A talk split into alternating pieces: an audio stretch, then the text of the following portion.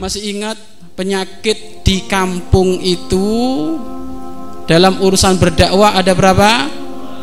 Ada dua. Satu tawaduk bukan pada tempatnya. Ada santri baru pulang masih muda disuruh ngisi khutbah. Ntar dulu nggak enak. Masih ada kiai sepuh. Keliru.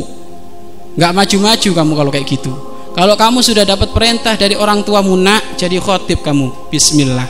Kalau ada kiai sepuh Anda datang. Pak Kiai punten. Kami disuruh oleh orang tua untuk mengganti khotib mengganti khutbah.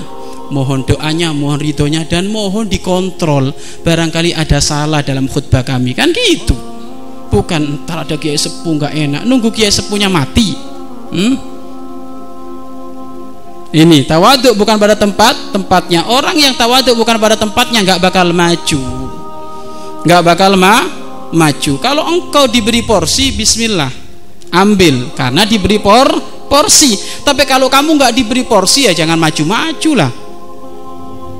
Yang bagian khutbah bukan kamu. Tiba-tiba tiba-tiba kamu nyelonong. Loh ini nggak ada adab ini sombong itu nah, tapi kalau engkau diberi porsi ini khusus para santri kalau engkau diberi porsi oleh umat oleh masyarakat ambil. Tiba-tiba kamu disuruh doa kamu nak aduh nggak enak ada kiai sepuh aduh nggak enak. Oh enggak. Kalau disuruh bismillah. Karena kamu dapat ama amanah. Nggak apa-apa.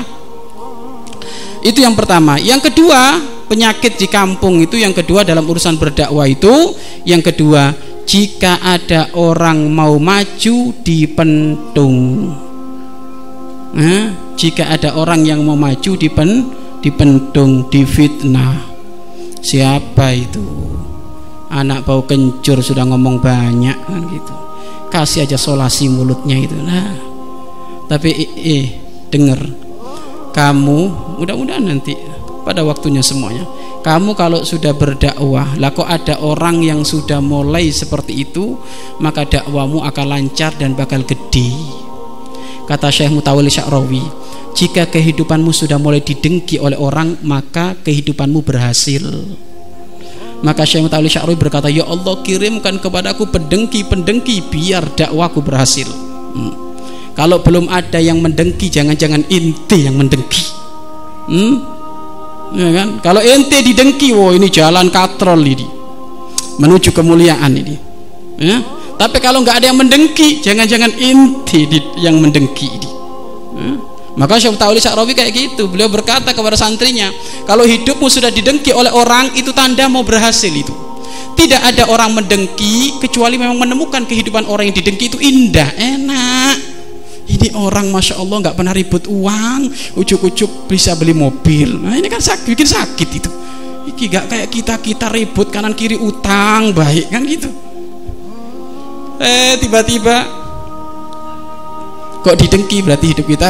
Insya Allah suk, sukses. Tinggal banyak minta ya Allah kirim lagi pendengki-pendengki yang banyak. Hmm. biar tambah suk tambah sukses. Makanya santri kalau didengki dihasut nggak usah cerita-cerita. Kenapa? Kalau cerita-cerita takut hilang nanti itu. Sudah, jadikan engkau sabar, tidak perlu membalas.